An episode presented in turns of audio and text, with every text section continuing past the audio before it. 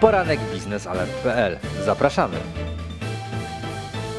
Szanowni Państwo, jest 4 kwietnia 2019 roku, więc czas na poranek biznesalert.pl. Nazywam się Wojciech Jakubik i zapraszam. Drodzy Państwo, pozdrawiam z lotniska Warszawa-Okęcie, skąd będę leciał do Brukseli na rozmowy Polskiego Komitetu Energii Elektrycznej i portalu Euractiv na temat sprawiedliwej transformacji energetycznej. To temat kluczowy dla Polaków, ponieważ y, dotyczy tego, w jaki sposób zmieniać obszary takie jak Śląsk, aby odejście od węgla było jak najmniej bolesne i dawało też perspektywy rozwoju w innych branżach niż górnictwo. Informacja dnia to dzisiejsze głosowanie Komisji do Spraw Przemysłu, Badań Naukowych i Energii nad zrewidowaną dyrektywą gazową. Ma to być czysta formalność. Źródła biznesalert.pl przekonują, że y, nie będzie zmian w projekcie, że nie będzie oporu. Komisja ma przegłosować regulację, która może wpłynąć na sporny projekt Nord Stream 2, doprowadzić do tego, że zostanie on podporządkowany unijnemu prawu. Być może nie zostanie przez to zablokowany, ale implementacja prawa zajmie czas i na pewno Polska i inne kraje krytykujące ten projekt nie smucą się z tego powodu. Kolejna informacja.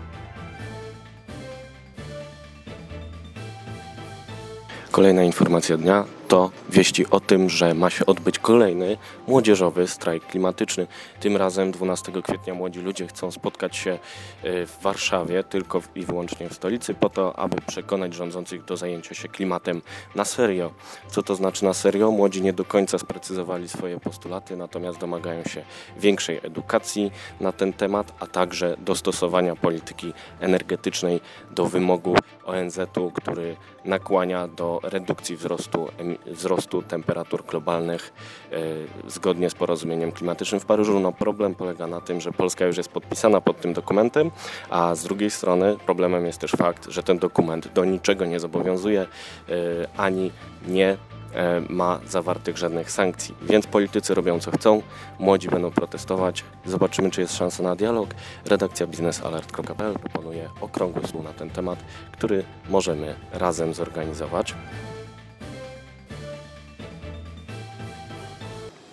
Polecam dzisiejsze teksty. W pierwszym rzędzie tekst o tym, że e, Putin otworzył fabrykę Mercedesa pod Moskwą, nazwa się ona Moskowia.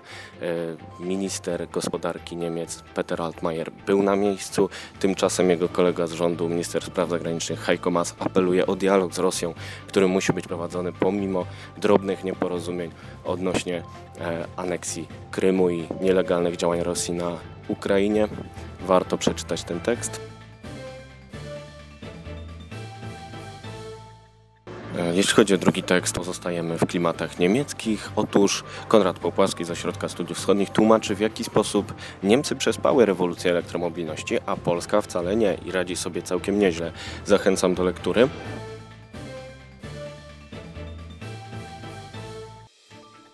Polecam także stanowisko chińskiej firmy Huawei, która tłumaczy się z informacji o tym, że Wielka Brytania obawia się jej wpływu na bezpieczeństwo, nie chce z nimi współpracować. Huawei twierdzi, że wcale nie, że jest w stanie zapewnić bezpieczną współpracę telekomunikacyjną także w Polsce.